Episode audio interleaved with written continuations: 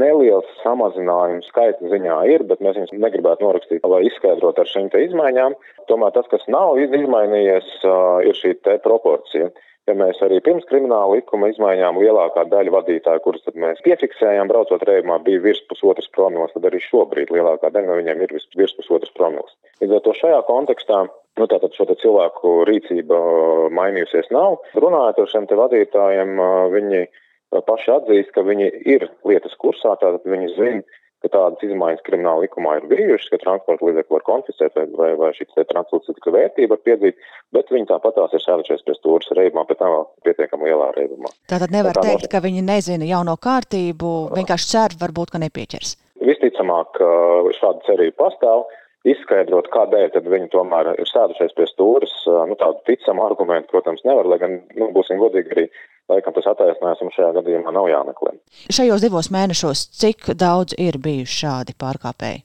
Vidēji tie ir 10, 12 vadītāji diennaktī, kurus tad mēs konstatējam, vadot transporta līdzekli reibumā. Puse no viņiem parasti pat mazliet vairāk ir uh, virs pusotras promils. Tātad, nu, faktiski 5, 6 transporta līdzekļi kā nu kurā dienā, katru dienu tiek kādam konfiscēts, vai arī piemērots transporta līdzekļa šī pilnā vai daļējā vērtība. Kas gan ir jāatzīst, tad lielākā daļa šo transporta līdzekļu vadītāju viņi nebrauc ar savu transporta līdzekli.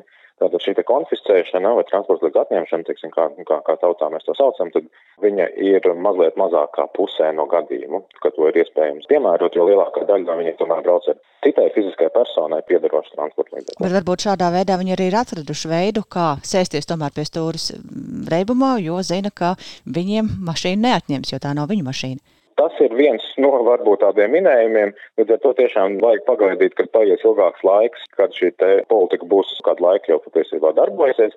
Tomēr tas, kas ir jāņem vērā arī šiem vadītājiem, arī ja netiek atņemts transporta līdzeklis, viņam tiek piemērots pietiekami liels naudas sots, tad vai nu daļais vai pilns transporta vērtības apmērā. Un tās summas ir milzīgas. Ko mēs esam secinājuši, ka tie vadītāji, kuri brauc reibumā, daļa no viņiem to dara atkārtot. Un tie ir aptuveni viena ceturtā daļa, kura regulāri brauc reibumā. Un uz šiem te vadītājiem lielākā daļa ietekmes instrumentu ir ļoti neefektīvi. Viņi pirms tam ir pieķerti, viņiem ir atņemtas tiesības, viņi joprojām turpina braukt bez tiesībām. Daļa no viņiem pat ir soda mērs, viņiem ir bijis piemērots, kas ir ar brīvības atņemšanu saistīts sots. Viņi, tā teikt, šos divus, trīs vai četrus mēnešus pavadot uh, reizēm, iznāk ārā un atkal turpina braukt reibā. Mēs runājam par ļoti mazu sabiedrības daļu, tie ir aptuveni 0,2% no visiem transporta līdzekļu vadītājiem.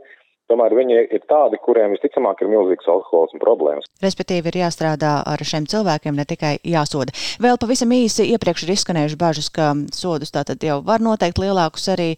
Mēs jau dzirdējām, ka jāstrādā ar šiem cilvēkiem. Vai jums pietiek pašu kapacitātes, lai kontrolētu vispār? Šobrīd kapacitāte nav īsti pietiekama. Viņa tāda jau ir vairākus gadus. Faktiski tajās struktūra vienībās, kurās kolēģi veic šo satiksmes uzraudzību, Tātad nekomplekts ir ļoti liels, to mēs nevaram noslēpt, un par to tiešām mums ir skaļi jārunā. Ļoti liels nozīmē vismaz pusi, kā nu kurā reģionā, kā nu kurā struktūrā, bet viņš tiešām ir milzīgs. Līdz ar to tie cilvēki, kuriem šobrīd būtu jāatrodās uz ielas un jāveic satiksmes kontroli, viņu faktiski ļoti maz. Viens no nu, glābšanas riņķiem, kuru mēs paši sametam, ir mūsu uzsāktās struktūrālās reformas, kuru kontekstā mēs mēģinām paplašināt šīs funkcijas. Tas nozīmē, ka arī citi kolēģi tik saistīti, tā skaitā arī satiksmes uzraudzības nodrošināšanā. Tomēr tas tiešām ir tāds ilgtermiņa risinājums, bet tas nekādā veidā, protams, nemazina šo tādu fizisku cilvēku iztrūkumu policijas struktūra vienībās.